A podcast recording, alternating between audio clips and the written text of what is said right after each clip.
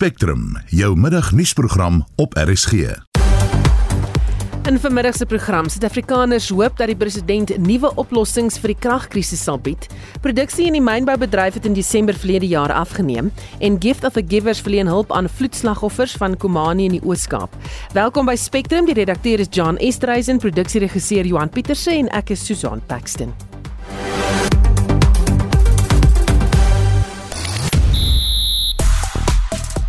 Geskiedenis is vanoggend gemaak met ons mans en dames Proteas wat vir die eerste keer kwalifiseer vir die kwart eindstryd van die binnenshuise hokkie wêreldbeker.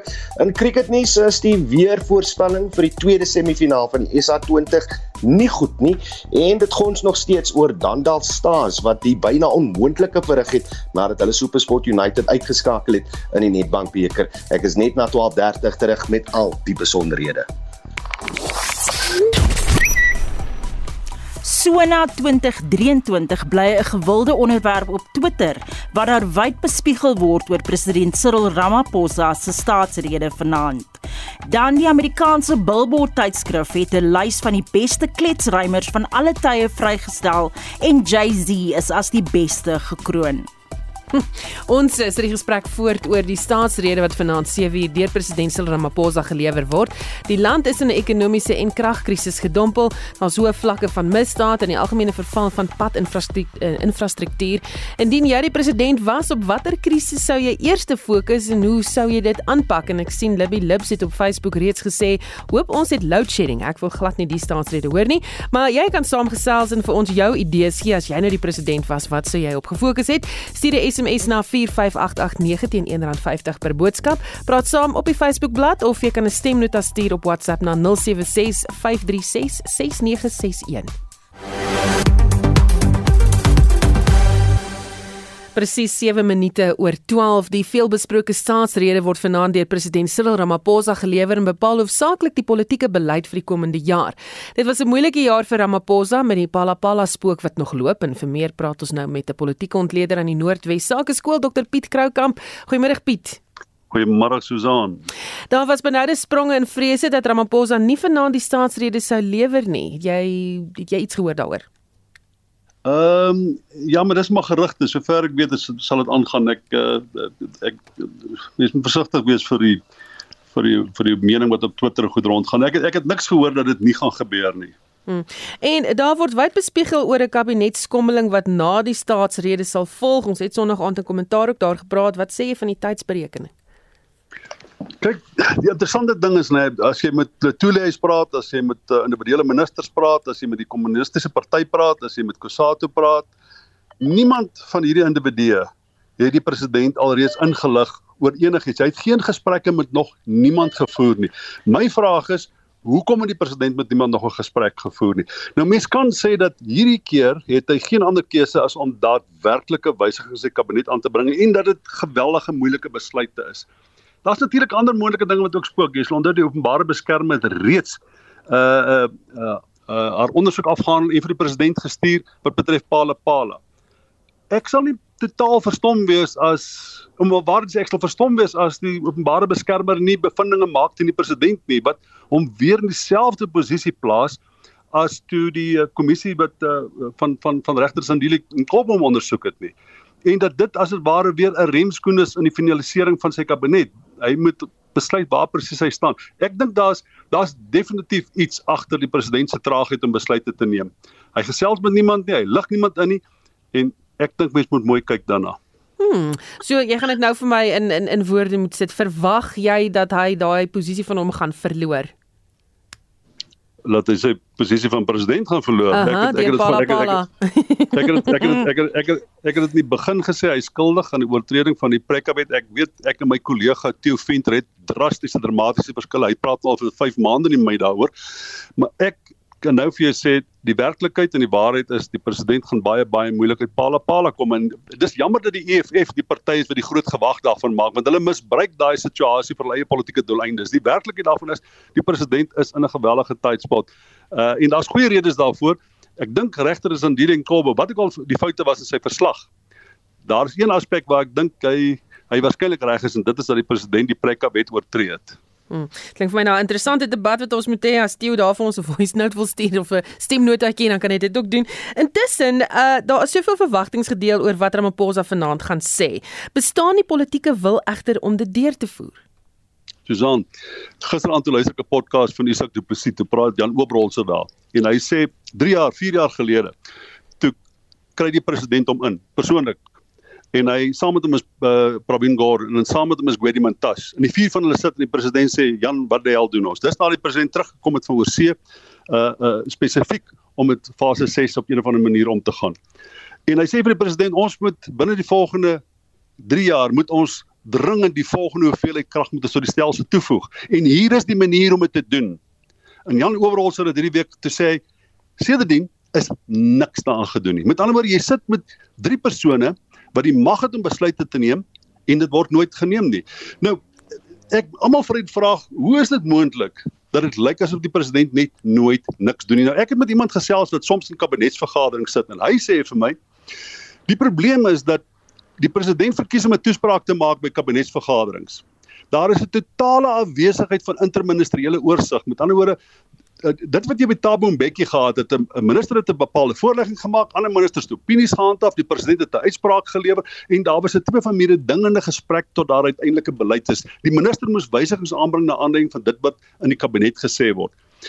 By Ramaphosa gebeur dit byna nooit nie. Boonbehalwe hy dikwels kabinetsvergaderings vroeg verlaat, is daar geen spesifieke vrae nie. Hy maak 'n toespraakie, hy luister na wat die minister sê. As jy mooi daaroor dink, hy het nie geweet van Tatim dan Natin Teta se vlagpaal nie. Hy het nie geweet van Tourism Suid-Afrika se se deal met Hot Tottenham Hotspur nie. Uh daar is soveel dinge waarvan die president eenvoudig net niks geweet het in die tyd dat dit in die media verskyn het nie. Jy moet jouself vra wat gebeur in kabinetsvergaderings en ek dink dit is die evil van Suid-Afrika en dit is die traagheid van die president. Dis die roots van sy van sy traagheid. Daar is geen behoorlike gesprek in die kabinet nie. Jy sal ook sien die president as hy met die media praat, hy wil nie vrae hmm. antwoord nie. Die president wil 'n toespraak maak. Hy stel nie belang of hy het nie die daar's ergens 'n ruggraat tekort om werklik te engage soos die Engelse sê en uh, beleid te formuleer in terme van 'n kollektiewe gedagte en uiteindelik dit dan deur te voer as 'n een eenheid. Die kabinet sal net beleid deurgevoer kry as daar interministeriële oorsig is wat ministers, wat die een minister die ander as dit ware forceer om op te tree voor die volgende een kan optree. Mm. En dan net 'n laaste vraag. Ek sien dat Amanda het 'n SMS gestuur. Sy sê: "Hallo daar, ons gaan wel beerdkrag hê en sal beslis nie die uh weet staatsrede kan sien nie. Ons sal dalk kan luister op RSG as hulle dalk 'n radio met 'n battery of so het. Maar dien die staatsrede doel as 'n gedeelte van die bevolking om nie gaan kan hoor of sien nie, want beerdkrag." Ek het ek volg die president se se se Twitterblad nê en alles wat hy hy hy, hy dis die eerste keer wat ek sien wat die staatsrede word as dit ware vooraf op Twitter reeds jy weet reeds wat gesê gaan word vanaand hmm. want dit is reeds op Twitter word bespreek. Uh alle eerlikheid ek ek het ek het soveel simpatie met 'n skeptiese samelewing wat sê we've heard all this before none of those promises came through why will we listen to this story again die, die president weet nê ek ek as 'n mens hom sien praat hy het eenvoudig nie meer die geloofwaardigheid dat enigiemand dink hy kan enigiets doen en enigiets nie. En ek ek neem niemand kwaliek wat sê I'm just not prepared to listen to that nonsense again. Hmm. Baie dankie, dit was 'n politieke ontleder aan die Noordwes Sakeskool Dr Piet Kroukamp. Politikuste moet ophou om modeparade te hou voor die staatsrede. Die vertoning van dierontwerpersklere terwyl Suid-Afrikaners ekonomies swaar trek en onder die broodlyn lewe is onsensitief, meen Lorenzo Davids, die voorsitter van die Justice Fund. I am beginning to reflect on, on where we are as a country. I think the media and the public have a duty to hold government to account. And that accountability today, at Sona, we were looking at politicians brilliantly dressed, brilliantly attired, whilst 20 million people in this country live in extreme poverty. The two just doesn't match up anymore. David sê daarmee bedoel hy nie regeringsamptenare moet daar met denims en tekkies opdaag nie, maar die fokus moenie op mode wees nie. Yeah, it's the opulence, it's the extravagance, it's the in your face kind of, you know, I'm wearing this and I'm wearing that. And then there's a commentary, uh, you know, by either the reporter or the politician about, you know, what kind of design this is and, you know, who did it and where does it come from. Now, that's great for the South African fashion industry. I suppose there's a plug there, but it doesn't connect with the narrative of where we're at as a country. 18 million people live in extreme poverty. Between the DA and the ANC, only 13 million people put them in power. So the people living in extreme poverty is greater than the people who voted for the top two parties, in fact, for the top three parties. And so if you don't see this picture of how 20 million people live in extreme poverty and only 13 million people, some of those in that 20 million, voted for, for this government to give them a better life. David sê dit maak hom nar as hy die duur klere sien terwyl hy weet ons land se demokrasie is in die moeilikheid. Listen, let's just make this a normal event. These are a bunch of public servants and politicians going to an event. There's no need for this kind of celebrity feature that tends to precede the actual mm-hmm. Sunday event, where people walk on a red carpet, they flash their clothes, they pose for pictures, etc., etc. That I think is doing a disservice to the serious state our democracy is in. And it's not telling a story that we should be embracing at this stage. What should people wear? Normal clothes. Just get out there, wear a suit and tie or coat and dress, whatever is appropriate, but this over the top flashing of extravagance and opulence, that is becoming nauseating and it's seriously nauseating. Mm. En dit was Lorenzo Davids, die voorsteur van die Justice Fund. Ons bly by nuus oor die staatsrede en ons praat nou met die hoofsekretaris en LP van die Good Party, Brett Herren, oor hulle verwagtinge. Goeiemiddag Brett. Uh good afternoon, goeiemiddag. Uh, Waarop moet die president klem lê in sy staatsrede?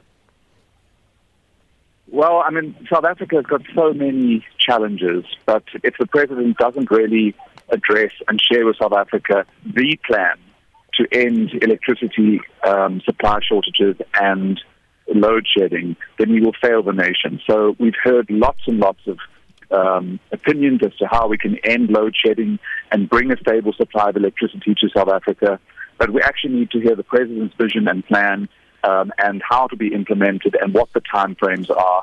We have to accept as South Africans there's no silver bullet. We're not going to resolve this very, very quickly. But if he doesn't address that issue, um, I would be very, very surprised. Hmm. Um, and of course, there, there are other issues that need to be addressed, but South Africa needs to hear that there's a short term solution to load shedding and electricity shortages. And then that there's a plan to transition to renewables. Hmm. Wat is Good se standpunt oor die energiekrisis? Waar dink julle lê die fout? Well, it seems to be a, a, a problem of incompetence in the management of Eskom, um, because we we have um, currently there are six power coal powered coal fired power stations that need to be repaired um, and maintained in order to get us back to um, before the crisis had started in October. Um, my my big issue with and why I say there's some incompetence is the president announced um, last year, SONA, and then in the, in the emergency energy address that he gave to the nation, that there was been an increase in the procurement of renewable energy in bid window six. Um, and he mentioned 5,200 megawatts. That was doubling the um, the proposed um, procurement of renewables. And then when bid window six went out and, and was was awarded, we only awarded 820 megawatts. So we've lost. You know what happened to the 4,000 odd um, or 5,000 uh, additional megawatts that the president was talking about. And the reason why they could not award the full 5,200 megawatts is because ESCOM didn't have the transmission capacity in the grid. Now, you have to ask questions about how could ESCOM allow the president to make a commitment that it was not ready for. Hmm. Brei, dink jy daar moet 'n geleentheid geskep word dat uh, politieke partye soos julle dan nou vir die president hierdie vrae kan vra voor hy 'n nuwe staatsrede lewer? Well, I think, I mean, the the president w- will address us this evening, and, and I assume that he will address these things. Um, the the president did meet with party leaders, um, and so there was an opportunity for party leaders for, of all political parties to address the president and to ask him questions about the, crisis, and that meeting took place about two weeks ago. Um, so I think um, tonight is the opportunity for the president to not only address political parties but the people of South Africa. Um, and um, and I really expect that he will do so. If he doesn't do so, he fails to rise to the occasion. Hmm. En dan behalwe vir die kragkrisis, wat anders wil julle hoor? I think the other thing that we really want to hear is the implementation of a proper comprehensive social security system, which includes a basic income guarantee or basic income grant. You know, we cannot have 10 million young South Africans or South Africans who are eligible to be of working age who are unable to find jobs because our economy is not generating jobs, who are expected to wake up every single day without any income. So we need to provide a proper social security system as is uh, provided for in our constitution um, so that people who are unable to find jobs are not expected to live without any income. So I want to hear that the COVID um, relief or distress uh, grant of 350 rand a month is now changed to a basic income grant that it meets at least meets the uh, food poverty line of about 600 rand per month. Baie dankie, dit was Brett Herren, die hoofsekretaris in LP van die Good Party. 21 minute oor 12 die noodleningsorganisasie Gift of the Givers reik uit na die Kumani vloedslagoffers in die Oos-Kaap nadat duisende mense hulle huise moes ontruim toe die Kumani dam sy walle oorstroom het. Hulle is dakloos gelaat en gaan tans in gemeenskapsale tuis. Ons praat nou met Gift of the Givers se provinsiale koördineerder Corin Konradi. Goeiemiddag Corin. Goeiemiddag en goeiemiddag aan al die luisteraars. So wat is die situasie op die oomblik? Ons hoor dit het nog nie opgehou reën nie. Dit reën nog sommer baie hard en onruimings in die gemeenskap is nog nie eens klaar nie. Die munisipaliteit en die rampbestuur is nog steeds besig met onruimings. Ons is tans by een van die gemeenskapsale waar honderde families tans bly. Die situasie is ook nie ideaal met die reën nie. Kindertjies en is is is alles in klein uh, ruimtes waar hulle nie eens kan buite gaan speel nie. So dit is gepak in hierdie sale op die oomblik. Hmm. Wat van die grootste nood wat slagoffers ervaar? Hierdie slagoffers het uit hulle huise ontruim met net die klere aan hulle liggame matrasse was uh afgelewer deur die munisipaliteit. So ons het ook matrasse, komberse, klere is 'n groot nood. Hier is verskriklik baie babietjies. Daar is nie doeke vir hulle nie, daar is nie klere vir hulle nie. Daar was 'n uh, 'n nuwe babietjie ook gebore in hierdie tyd en daar kan nie beslag geneem word van waar die ma is nie. So daardie babatjie is gebore met daar was nie 'n klere of 'n doek nie. So ons het ook vir die babatjies doeke gebring en ons is nou besig om klere ook vir die, vir die slagoffers te kry. Mm. Julle was laas besig met 'n waterleweringsprojek. Hoe verloop dit of moet julle dit vereers staak?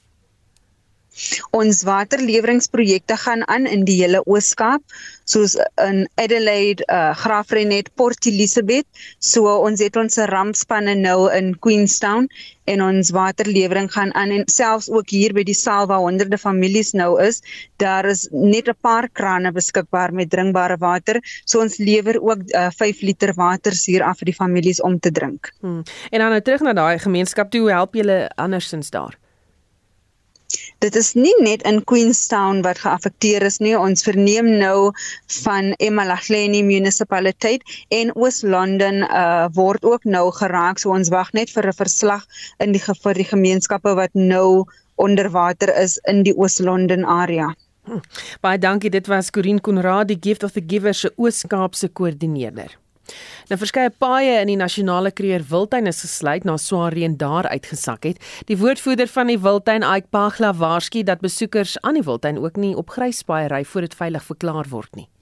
The Kruger National Park has experienced some good rains overnight, and several low lying bridges have been closed in the south of the river. The Crocodile Bridge entrance is closed for today and is being monitored closely. People traveling through the Paul Kruger Gate, uh, we have several low lying bridges as you get to the rest camp that are being monitored. So we urge all tourists within the Kruger National Park to be cautious when they travel through the roads and when they approach low-lying bridges. En dit was die woordvoerder van die nasionale kreer Wildtuin Ike Pagla. Mynbouproduksie het in Desember 2022 met 3,5 indekspunte verminder. En volgens Statistiek Suid-Afrika se jongste mynbouproduksie indeks wat pas bekend gemaak is, het die mynbouproduksie in 2022 met 7,2 indekspunte gedaal teenoor 2021. Ons praat met Dr. Rolof Botha, ekonomiese raadgewer van die Optimum Beleggingsgroep. Goeiemiddag Rolof. Goeiemiddag julle. Kom ons kyk gou na hierdie statistiek of hierdie indeks. Dit lyk nie baie goed nie. nee, dit lyk baie sleg.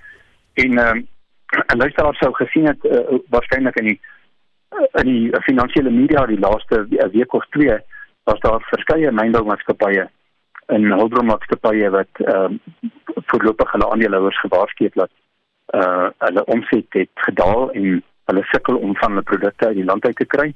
Uh die afsinsakke die ehm um, van die produsente van uh, sommige uh, edelmetale wat ook natuurlik nou uh eers baie energie nodig het vir elektrisiteit voordat dit kan uitvoer en hulle kry ook swaar. Uh so dit is maar die uh, gebrek aan die infrastruktuur. Dit is die agteruitgang die die uh, baie vinnige agteruitgang van uh, Transnet. Die spoorweë tensy dit nie baie vinnig baie vinnig geprivatiseer word nie in sy totaliteit met miskien 'n 20% aandeel vir die vir die staat waaruit hulle waarskynlik meer geld gaan maak uh, as andersins. En uh, gaan gaan die mynbou aanhou om wat volume betref agteruit te gaan maar wat ons gered het en wat nou nie uh, altyd voorop uh, gestel word nie is natuurlik die verkope. Die verkope was uitstekend uh, 64 amper 65 miljard rand uh, in Desember wat meer was as verlede Desember. Dit was ook meer as in November. November was nie 'n goeie maand nie.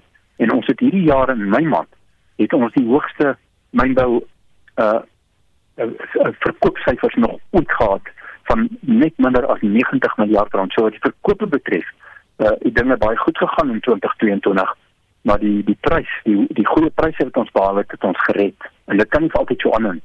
Ja.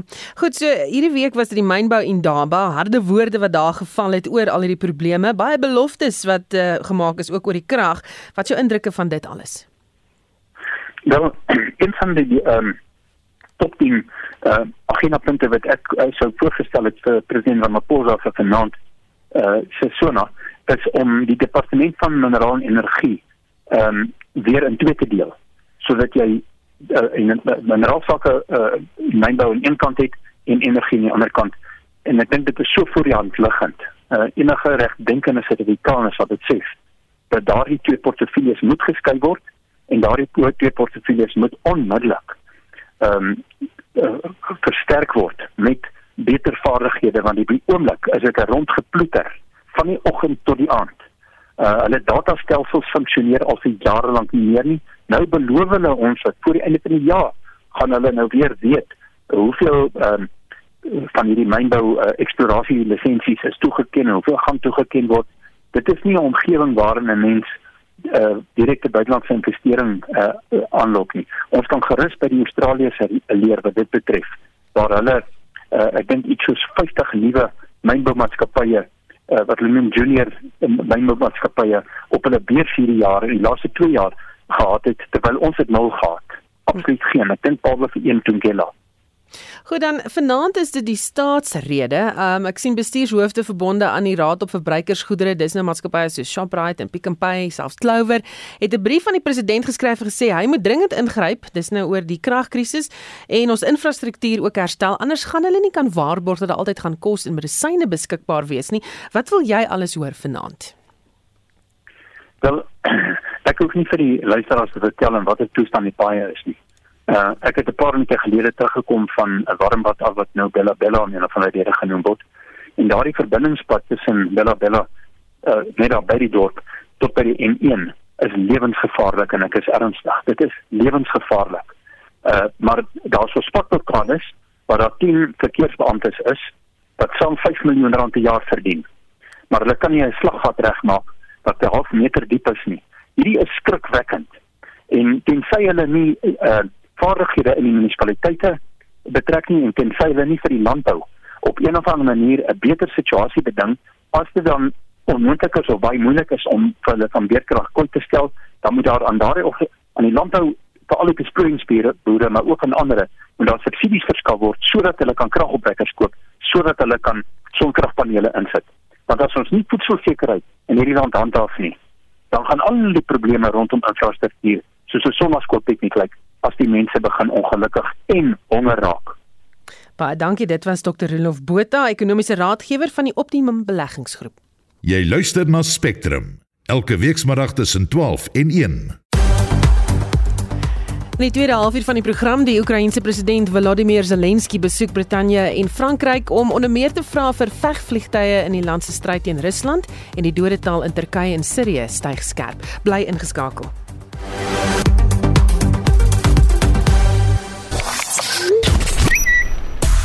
Die nommer 1 hitsmerk Die nommer 1 hitsmerk in die land het niks met politiek uit te waai nie. Daardie titel gaan aan Nasionale Pizza Dag waar fotos en resepte na hartelus gedeel word. Ons het vroeër gepraat oor Billboard tydskrif se lys van die beste kletsruimers van alle tye en Nicki Minaj is die enigste vrou wat die top 10 gehaal het. Mm, pizza klink nie na 'n slegte idee terwyl ons na die staatsrede kyk nie en gepraat daarvan. Almal gesels daaroor. Ek sien 'n luisteraar wat sê dis Renay van Springs. Eh, goeiemiddag Susan, hoop hy gaan die munisipaliteite regkry. Dis waar ek sal begin. Ons stede is in verwaarlosing en ek het ook gesien daar's 'n foto's op eh, die eh, op Facebook eerder van mense wat selfs in Welkom Riebeek stad daarso plakate gaan rondswaai as gevolg van die watertekort daar lank al nie water nie. Dan sê nog 'n luisteraar dat ehm um, president Cyril Ramaphosa wou dan bedank. Die ANC wou nie hy moes bedank nie. Die man is moeg. Hy het nie al die antwoorde nie. Hulle skramp weg. Die ANC moet wakker skrik wees demokraties sê John en dan sê Mike en Brit se good wire om skuld vir hulle regeringsvernoot die ANC se deur te lê. Hy versoek vir 'n sosiale of 'n maatskaplike toelaag wys sy sosialistiese wortels. 'n Stem vir good is 'n stem vir die ANC meen Mike en uh, dan sê nog iemand uh, kan jy vir my sê of hy vanaand gaan praat oor SASSA se ouderdomspensioen en ek neem aan dis iets waar daai daai persoon graag wil gesels en dan sê 'n luisteraar dink eh, die president dat president Mandela, die president Mandela tevrede sou wees oor die wyse waarop hy die land bestuur. Ons gaan oor na sportnuus en die Dimension Data Pro Am golf toernooi het vandag op die Fancourt landgoed in George begin en Pieter van der Berg hou vir ons sake dop. Goeiemôre Pieter. Maar dan sê Susan, ja, net uh, soos wat George kan wees op sy mooiste uh, heerlike sonskyn, bittermin wind en uh, ja, drie bane waarop gespeel word hier by Fancourt en ek moet sê dat uh, dit is 'n groot hoeveelheid spelers, 156 professionele spelers en dan elke een van hulle is daar ook 'n amateurspeler wat saam met hulle speel. So dis uh, meer as 300 spelers wat hier afgestaan het in die eerste ronde vanoggend. Daar word op drie bane gespeel, die Montetjie baan, Outeniqua en ook op die linksbaan en daar is 7.3 miljoen rand wat op die spel is in hierdie uh, 72 puitjie toernooi. Ja, dit word oor vier rondes gespeel. En natuurlik môre is dit ook die vroue wat in aksie sal wees. Hulle sal uh, van môre tot Sondag sal hulle ook hulle stokke swaai en uh, dit is vir 3.5 miljoen rand in die sonskynreeks uh, vir die vroue afdeling. Maar wat vandag se rondes aan betref, ons moet uh, loer na die uh, voorlopersbord En uh, baie interessant is daar is 'n hele klompie interessante name in die verlede wat hierdie toernooi gewen het. Ons dink aan uh, Retief Goos en Louis Oosthuizen, Trevor Immelman, Nick Price. Uh, dan is daar natuurlik uh, meer onlangs Christian Besuidnout en Wilco Ninawer onder die jong manne. En as ons na die voorlopersbord kyk, sien ons dat uh, Casey Jarvis, hy is op die oomblik met 2 of voor rit sy ronde voltooi en 'n uh, pragtige uh, 800 syfer hy nou, die eerste 9 in 'n 31 houe voltooi, uh 5 beter as baansyfer en toe daar die uh, tweede 9 4 beter as baansyfer. So hy's 8 beter as baansyfer, 'n 31 en 'n 33. Natuurlik uh, hy speel op die Outeniqua baan en dan moet ons hom net by noem dat uh, die Outeniqua baan is in die verlede nogal die baan wat hulle gesê het uh, dalk nie die heel maklikste was nie. Montetjie is meerendeels gebruik gewees uh om dalk bietjie beter tellings aan te teken, maar vandag is dat dat die Montetjie baan betref in die tweede plek Rihandri Maki uh, van Indië wat op 600 is en ek sien dat uh, in die top 15 is daar net twee spelers wat op die Montetjie baan in aksie is. Ook gesamentlik in die tweede plek Nancy Wolf van um, Amerika, hy's daar op 600. So dit is uh, net twee oue agter. Kyk die Jarvis Maiter lekker voorsprong twee oue. Dit is uh, ook op die uh, Outeniqua baan waar uh, hoe sy rondte dan vandag voltooi het. Dan beweeg ons aan die eerste twee spelers daar in gesamentlike vierde plek wat op die linksbaan in aksie is. Gerard de Tooi van Suid-Afrika. Hy het uh, 500 aangeteken en dan uh, Steven Brown van Engeland. Hy is ook op 500. Ook op 500 drie ander spelers, twee Suid-Afrikaners, JJ Seneca en Jacques Kruiswyk, as ook Jacques Blou, almal daar op die uh, Outeniqua baan. En dan sien ons dat Andra Pyvan van uh, India is daar ook op 500 en hy is ook op die Outeniqua baan. So ja, dit is uh, nogal 'n hele klompie tellings om uh, sake hier dop te hou en op te kyk die speel watter bane en dan moet ons net so interessantheid ook gaan loer ons het net nou genoem dat uh, daar spanne is wat speel. Dis 'n professionele speler saam met 'n amateurspeler. Dis hoekom die Dimension Pro omgenoem word. En uh, dit is McGee Interbrands wat tans op 1200 syfer is reeds al rond te voltooi met 'n uh, Casey Jarvis wat die alleen voorloper vir die professionele spelers is wat saam met uh, Salvan Nathan speel die amateur. Hulle is op 1100 en uh, dan sien ek daar dat uh, een van die manne wat um, bietjie teruggesak het op die oomblik is Rory Gable wat saam met Henny Otto gespeel het. Hulle is op 800 gesamentlik in die vyfde plek. Hulle is in 'n stadium was hulle in die tweede posisie. So wat die voorlopersbord dan betref, die hele klompie spelers van die 156 professionele spelers wat dan nog 'n ronde moet voltooi maar die voorloper dan moet twee op die onder Casey Jarvis met uh, hy is van Suid-Afrika met Rohandri McGee van Indië en uh, Clancy Wall van Amerika daar in uh, die gesamentlike tweede plek op 600 Jarvis soos ons sê op 800 syfer. Dit is die nuus ons gesels weer in 360 asook vanmiddag in spitstyd in ons sportnuusbulletins maar Susan met daardie nuus dan eers terug na jou in die ateljee in Johannesburg. Dankie dit dan Pieter van der Berg van RSG Sport vir ons sportnuus praat ons nou met Udo Karelse. Goeiemôre Udo. Middag Susan. Ons begin met die binneshuise hokkie wêreldbeker in Pretoria. Hoe het ons mans en dames spanne hulle skraalkans vir 'n kwart eindstryd kwalifikasie toe nou benut? Maar albei spanne fantasties. Ons mans het vanoggend teen Argentinië gespeel. Dain Cassim het na slegs 18 sekondes ons eerste doel aangeteken. Sy broer Mustafa het 4 minute later ons tweede gekry. Daarna het die wedstryd bietjie wipplank gery met die eindtelling 6-5 danksy 'n wonderdoel deur Mustafa Kasim is nou in die laaste 20 sekondes van die wedstryd. Die doel voltooi ook sy drie kuns en Suid-Afrika sluit dan die groep fase af in tweede plek. Ons damespan het 'n paar minute terug ook geskiedenis gemaak met hul eerste kwalifikasie vir kwart eindstryd. Ons moes eenvoudig net teen Nieu-Seeland wen om dit te maak en ons dames het dit ook gedoen met 'n skitterende 6-3 oorwinning om die posisie uh te beklee. Uitstekende uitslae vir ons spanne want ons uh, mans was 14de en ons dames 22ste gekeer in die wêreld voor die toernooi afgeskop het. Dan die Pretoria Capitals het reeds hulle plek in die SA20 finaal bevestig, maar die tweede semifinaal mag wel vandag deur reën belemmer word. Ja, kyk Joburg Super Kings, hulle speel teen die Sunrisers Eastern Cape. Dit is nou 5:30 vanmiddag. Nou ek het gister langs my weer radar reg voorspel dat ons 'n volle wedstryd sou inkry. Vandag, Susan, lyk dit nie te goed nie. Uh vandag se voorspelling is dat die reën so om en by 5 uur oor Centurion sal beweeg en dat die moontlikheid vir reën tot so na 8 uur vanaand bestaan. Die wedstryd, soos ek sê, 5:30 na middag is hy geskeduleer. Môre is wel tersyde gestel as 'n alternatiewe dag vir die halfeindstryd, maar wie weet, jy het net 5 balbeurte per span nodig om 'n uitslag te verseker. En dan 'n nagboer waar die dag 1 is tussen Indië en Australië. Het Australië besluit om eerste te kom. Dit was definitief nie die regte besluit nie. Australië almal uitgehaal vir 177 lopies. Die draaiers Ravindra Jadeja met 5 vir 47 en Ravichandran Ashwin met 3 vir 42 het amok gesaai in die tans 49 sonder verlies. Nou as jy reg is met daai weervoorspelling dan uh, kan jy eh, 'n uh, weervoorspeller word as jy meer wil sport doen nie. of ek gebruik maar net 'n weerradar. Of dit.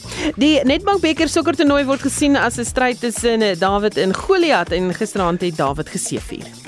Ja, dit gaan steeds oor Dondal Stars se span van Mamelodi se 2-1 sege oor SuperSport United en hulle is een van die beste spanne in die land tans. Dondal Stars kompeteer in die derde liga van sokker in Suid-Afrika en hulle moes agterstand van 'n doel omkeer om te wen. Sekhukhune United is wel weer na die volgende ronde na 'n 6-0 oorwinning oor Liber Brothers. En net voor ek totsiens sê, um, in rugby nie so 'n klein brokkie, is dit vanoggend bevestig dat die voormalige Sharks afrigter Sean Everett by Jake White se Bullspan aangesluit het as konsultant.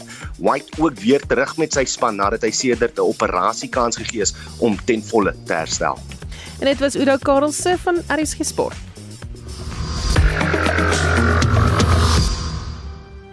Dis nou 19 minute voor 1 buitelandse nuus. Die Oekraïense president Volodymyr Zelensky sit sy besoek aan westerse lande voort in 'n poging om onder meer te vra vir vegvliegtye in die land se stryd teen Rusland. Hy het hom gewend na Brittanje en is ook nou in Frankryk waar hy vergader met president Emmanuel Macron en die Duitse kanselier Olaf Scholz. En uh, vir meer hieroor praat ons nou met Solidariteit se hoof van internasionale betrekkinge, Jaco Kleinhans. Goeiemôre Jaco. Goeiemiddag Susan. Nou dit is Zelensky se tweede besoek aan die buiteland sedert die Russiese inval, maar is dit nie belangrik dat hy nou eerder in sy eie land bly nie? Ek dink die belangrike ding op hierdie stadium Susan is dat uh Oekraïne se weermag dringend wapens nodig het. Uh ons sien die afgelope paar dae dat Rusland vordering maak en dit is eenvoudig omdat die Russe meer wapens en meer soldate uh in die veld instoot en Oekraïne is besig om duidelik uh veld te verloor. Uh en daarom het ons eers die besoek aan Amerika gesien, nou die besoek aan Europa.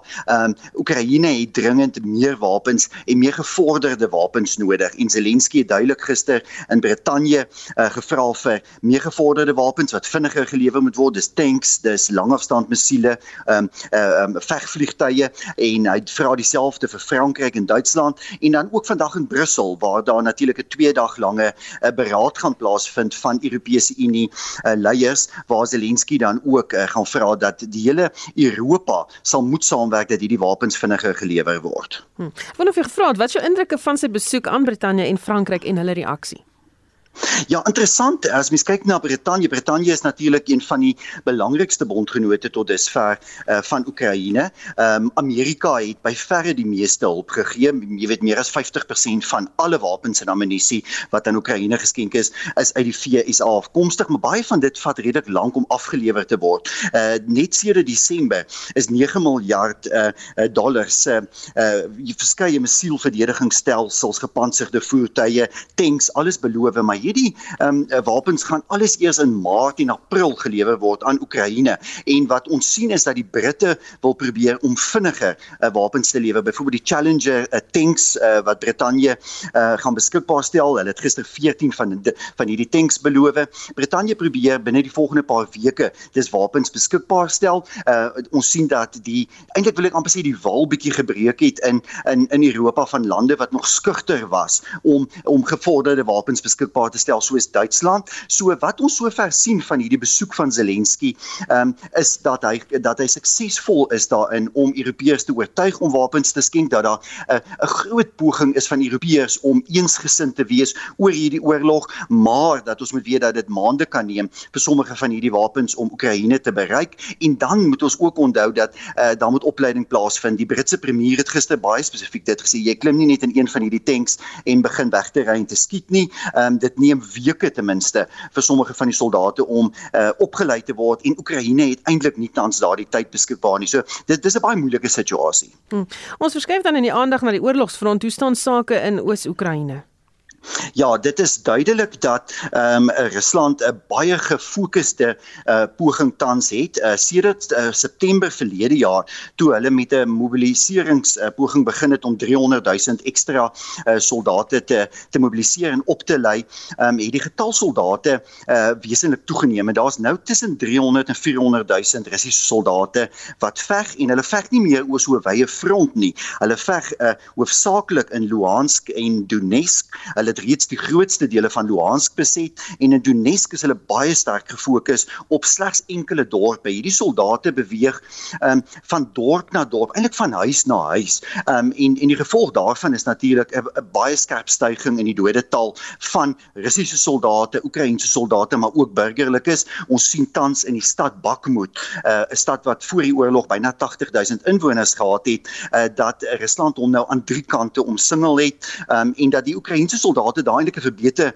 stryd voer maar dat hulle waarskynlik hierdie stad binne die volgende paar dae gaan verloor. So Rusland wat eenvoudig met 'n oormag van soldate tans oor Oekraïne uh, spoel, hulle doen dit stadig en gefokus, so hulle vorder baie stadig. Die gevolg daarvan is natuurlik net dat die geweldige lewensverlies en die geweldige skade uh, aan aan infrastruktuur dorpe word eintlik uh, een na die ander volledig verwoes. Dis eintlik die die Russiese strategie is 'n soort verskroeide aarde beleid waar hulle dorp na dorp verwoes en om oorneem en die russe is definitief op die voorvoet. Hulle is besig om veld te wen tans. Baie dankie. Dit was Solidariteit se hoof van internasionale betrekkinge, Jaco Kleinhans. Die volgende bydra mag dalk besonderhede bevat wat sensitiewe luisteraars kan ontstel. Die dodetal in Turkye en Sirië gaan die 16000 kerf binnekort verbysteek. Dit het met sowat 1000 toegeneem in die afgelope 5 ure, maar Lenay Forsie het meer. Okay! So klink dit op die strate van Turkye, soos wat mense afkom op die liggame van geliefdes. En plaaslike gimnasiums lê die liggame in strepe onder komberse of toegedraai in matte. I was planning to dress up with a wedding dress, but now I'll dress up with a funeral shroud. I'm like the walking dead. I'm a living dead. I lost my feelings. I lost my feelings. Hislerimi kaybettim. Dis Yunuskaya wat sy verloofde verloor het. Die Turkse regering word gekritiseer dat hy nie betyds opgetree het nie en nie genoeg doen nie. Maar president Recep Tayyip Erdogan sê dis onmoontlik om vir iets soos die voor te berei. We had some problems in some places like airports in the beginning. We had problems on the roads, but it's better today and it will be even better tomorrow. Intussen waarsku humanitêre organisasies dat nog 'n vlaag sterftes verwag word. Malina Forsie is ikonies. Ons bly by die storie die Suid-Afrikaanse ambassadeur vir Sirië, Barry Gilder sê, die impak van die aardbewing is die finale spyker in die doodskus van 'n land wat reeds 11 jaar lank in 'n burgeroorlog gewikkeld is. Hy was 'n gesprek met een van ons susterstasies en sê veral westerse sanksies teen die land is kommerwekkend. The EU has sanctions against Syria which they claim are not affecting ordinary people, but I can attest to the fact that they are. They claim, both the EU and the US, that they are providing assistance, but they're refusing to do it through the Syrian government. It's the countries of the east of the third world that are giving the most assistance and have been the quickest. Hy sê verskeie lande is reeds betrokke en vind maniere om die land te betree. We have flights and experts and support coming in from countries like Algeria, even from Palestine, from the UAE, from Oman, from Russia, from Iran, from India. I'm in Damascus, which is not that badly affected at all by the earthquake. But going back to the situation, uh, people are really struggling hard. I mean, there are different estimates from international organizations, but something like 70 to 80% of Syrians are food challenged. Suid-Afrika se Gift of the Givers is intussen in Turkye en Dr Kasim Borat het op die Adana lughawe met die SAK gepraat. This place has been affected, not as bad, but is considered the gateway to the entire region. This is the fully functional airport closest to the disaster area. So now we're going to start seeing the mass destruction. The main coordinating desk of this disaster, which is like a ministry, is AFAD, and they are based here and they've got a very active desk. We need to get in touch with them. They're going to deploy us to the area that they feel our team, with our equipment and our skills, will be best suited. Terug op eie bodem het Mariam Nassan, 'n Syriese diplomaat in Suid-Afrika, die volgende pleidooi gerig. We hope from South Africa to have a look into the situation in their eyes and in their hearts to help all Syrians without any discrimination. South Africa is a friendly country and we count on South Africa all the time. We uh, consider South Africa as a very close friend. En uit Turkye het Trent Murray, 'n korrespondent vir die SAK in Malatya, die jongste. You can see there uh, what remains of that apartment tower. It has just completely collapsed in on itself. You can see the traces of the lives of the people that once lived in there. I can see a wardrobe which is thrown open and all of the clothes are hanging out. Also, even a, a small television set which has somehow managed to stay upstanding despite those major earthquakes which hit. Dit was Trent Murray in ek's Marlene Forsie vir. Vandag se sake nuus word aangebied deur Chris Weemeyer, portefeuljebestuurder by PSG Wealth Pretoria. Oos swemmerig Chris. Goeiemôre Susan, ons het vandag redelike negatiewe mynbou syfers gesien. Mynbou uitsette vir die jaar uh van 2022 was 7.2% laer vergeleke met 'n jaar van tevore. Goud uh, mynbouproduksie ook met 3.3% oor 'n jaar teruggesak. So nie goeie nuus nie, maar die mynbou aandele vandag positief Ons sien vandag eh uh, Sasol 1.5% sterker 298.25 BHP Groep 1.3% sterker Anglo American nog eh wel so 3 kwart van 'n persent sterker en dan eh uh, Impala Platinum 0.6% hoër Iron Ore eh uh, wat ook produksiesyfers vind ystererts heelwat laer was verlede jaar tans onveranderd hier op R533.19 so mynbou aandele lyk 'n bietjie beter vandag as mens net na die indekse gaan kyk Die algehele indeks tans 0,4% sterker op 80320. Navrage indeks 2/3 van 'n persent hoër, finansiëel 0,4% sterker en hulpbronne 0,5% sterker. Nou ons het uh, ook maatskappye nuus vandag gekry. Spur net gesê dat hulle verkope en hulle syfers baie goed was vir die 6 maande tot uh, einde Junie. Hulle sê verkope het met 31,5% deur die groep gestyg en hulle verdienste gaan hier tussen 194 en 204% hoër wees. Spur se prys vandag 3,8% sterker op R22.5 En dan het Steinhoff ook vanoggend net gesê dat hulle het 265 miljoen Pepkor aandele geplaas teen R18.50 by instansies, dis so 4,9 miljard wat hulle bymekaar gemaak het om hulle skuldvlak terug te bring. Steinhoff se prys vandag 20% laer op 35 sent en dan Kaap Agri ook vandag met 'n baie positiewe handelsopdatering gekom. Sy prys tans 2.5% hoër op R41.50. Dan net van die nywerheidsaandele, ek sien Prosus 2,3% sterker, Naspers 2% hoër. So nie 'n slegte dag op die beurs vandag nie in Europa. Is die markte ook positief in Londen is die FTSE nou 0,6% sterker, Frankfurt die DAX 1.5% hoër en in Parys verhandel die kyk nou op 1,4% sterker. Goudprys op 1885 dollar, dis so 0,5% sterker. Uh platinum op 980 dollar per per ons en dan die Brent olieprys wat weer begin optel op 85 dollar 41 per vat. Dan die rand bly maar swak teenoor die groot geldeenhede teenoor die dollar verhandel hy tans hier op R17.67. 'n Euro kos jou nou uh R19.5 en 'n pond R21.48. Susan, dis al van my kant af vandag. Baie dankie. En dit was Chris Weemeyer, portefeuljebestuurder by PSG Wealth Pretoria Oos. Die Suid-Afrikaanse bloeddiens sê bloedvoorraad of se bloedvoorraad wissel tans tussen 2,8 en 3 dae. Die mediese direkteur Dr Karen van der Berg het aan Annelien Moses gesê dis glad nie ideaal nie. Vir ons om regtig die tipe van diens te lewer wat ons moet vir ons pasiënte moet ons hier by 5 dae se voorraad staan. Wat is die bloedgroepe wat die meeste benodig word? Dit is baie definitief groep O en dan ook spesifiek groep O negatief. Groep O bloed Ek sê ek dink meeste mense in hierdie tyd weet kan ons omtrent enigiemand gee en in besonder ook die groep O negatief wat dan veral vir ons swanger mamas gebruik word wanneer hulle probleme optel tydens hulle swangerskap. So ja, almal wat weet dat hulle groep O is, moet asseblief kom skenk en wie wat nie weet nie, moet kom laat ons kan uitvind of hulle is. Wat is bloedransonering en hoe lank voordat dit toegepas sal word?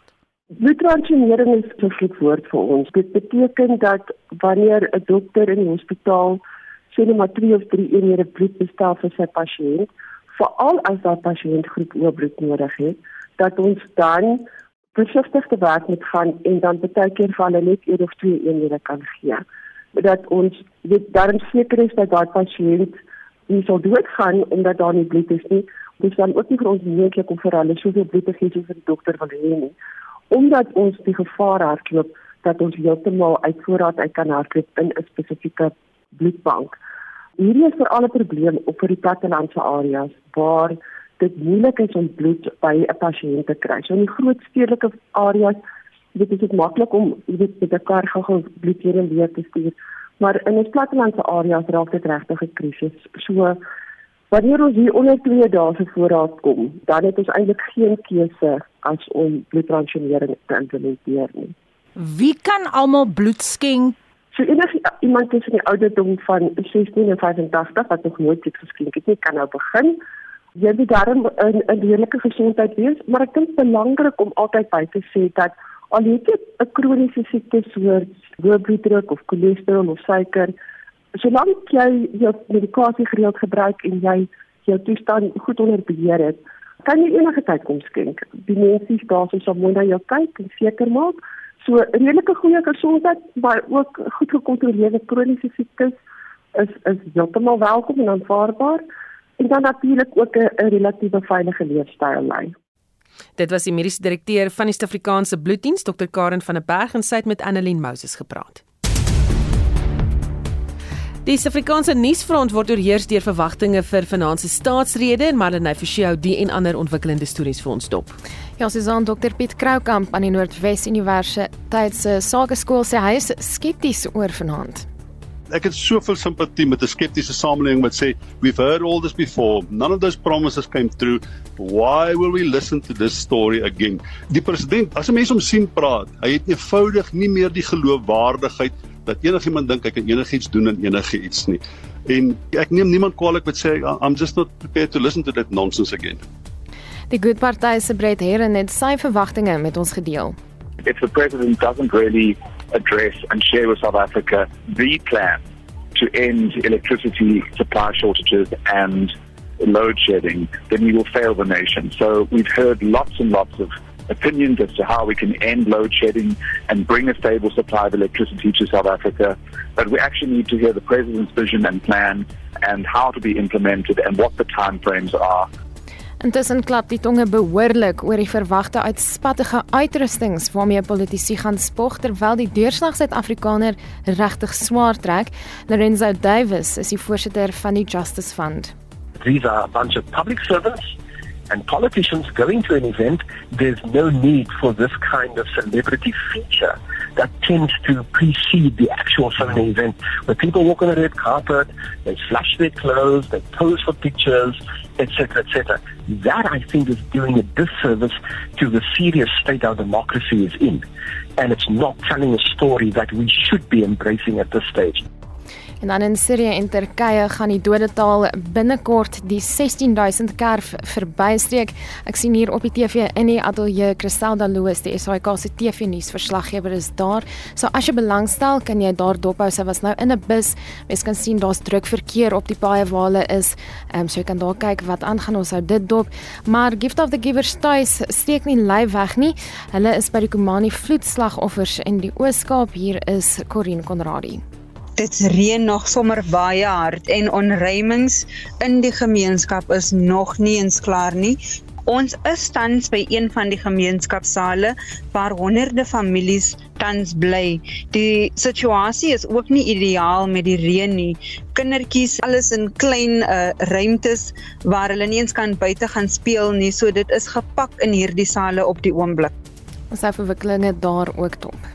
En dit was Marlenae Forsie met 'n oorsig van die afgelope uur se ontwikkelende stories. Net so voor ons groet 'n paar SMS'e wat nog ingekom het. Iemand wat sê ek bid dat uh, die minister, ag die president eerder Dawie Rood en Piet Kroukamp en Tuli Madonsela sal aanstel as ministers in hulle vakgebiede. Is dalk 'n sleg idee nie as dalk 'n lys skryf van wie jy dink moet aangestel word en dit nou nie regtig letterlik politici wees nie. Dit moet mense wees wat jy dink die werk kan doen. En dan sê die persoon nog ander wat weet wat hulle van praat en die ding sal doen. Kom nou president wys uh, ons wys vir ons jy het staal in jou pype ons sal later 'n murgoorplanting doen. En dan Neil se mening is uh, weet nie wat gaan almal so aan oor die staatsrede nie. Die ANC kan nie eers 'n bruistablet in water oplos nie. So hoe gaan hulle die land se probleme oplos? Hy is natuurlik sy mening en daarmee groet die Spectrum span. My naam is Susan Paxton.